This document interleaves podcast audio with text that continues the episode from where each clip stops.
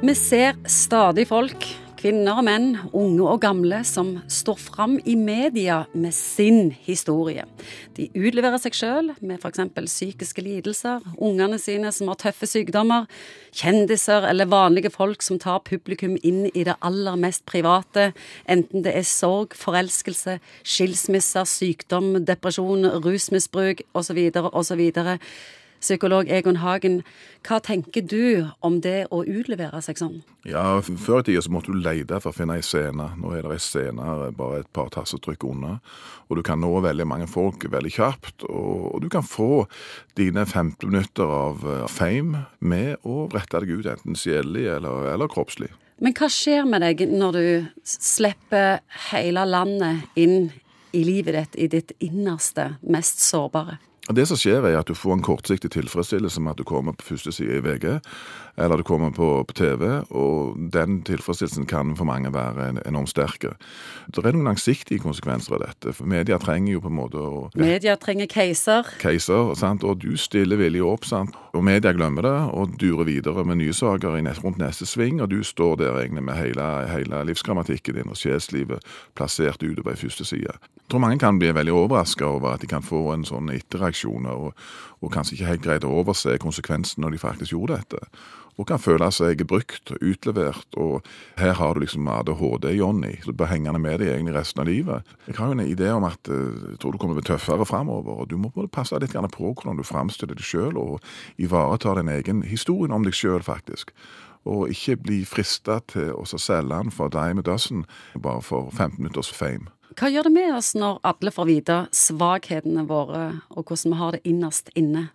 Jeg tror nok en del kan få en sånn brå oppvåkning fordi at du hadde ikke helt oversett egentlig at folk skulle huske dette så så lenge. Det er jo ikke uten grunn at de fleste av oss er enige om at journalopplysninger er utgangspunktet hemmelighetsstempla fordi at det kan ha noen konsekvenser om alt dette kommer ut. Jeg tenker òg når foreldre står fram med veldig syke unger og forteller alt om det. Kan ikke ungene sjøl få anledning til å bestemme seg for hva internettspor de skal legge igjen? Ikke foreldrene skal gjøre det. Men vi, vi blir stadig oppfordra til å være ekte og stå fram og være ærlige.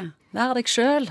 Ja, det er jo Si det som det er. Overslag. Dette vil jeg påstå er et historisk overslag. Hvor vi har gått liksom fra fortielse og fornektelse og mange ting som er skjøvet under teppet, til at nå skal alt fram. Og så har vi liksom funnet en grøft og gått på andre sida. Vi vil ikke tilbake igjen til taushet, til stillhet og fortielse, men samtidig så tror jeg at folk, vi kan bruke det lille ved det, så styre det store ved det. Har det ikke en verdi at noen står fram med et problem, og andre føler seg ikke så alene? Det er sant, og du har veldig, tenker jeg, i forhold til homofili eller mange viktige viktige eh, samfunnsspørsmål som har trengt sterke folk som har gått foran og liksom brutt lydmuren.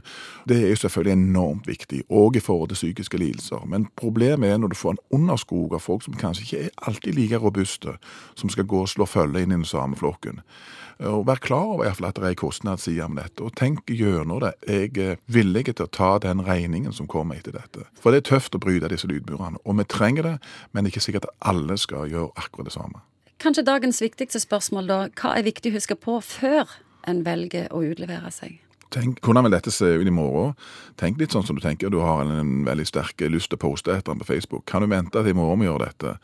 Kan du vente ei uke, se det an? Tygge litt på om du faktisk ønsker å gjøre dette. Spesielt hvis du er i en situasjon hvor det blir spurt av media, så kan det være lurt å si at dette må jeg faktisk tenke litt på. Koster det mer enn det smaker? Ja, og for det kan jeg faktisk gjøre det.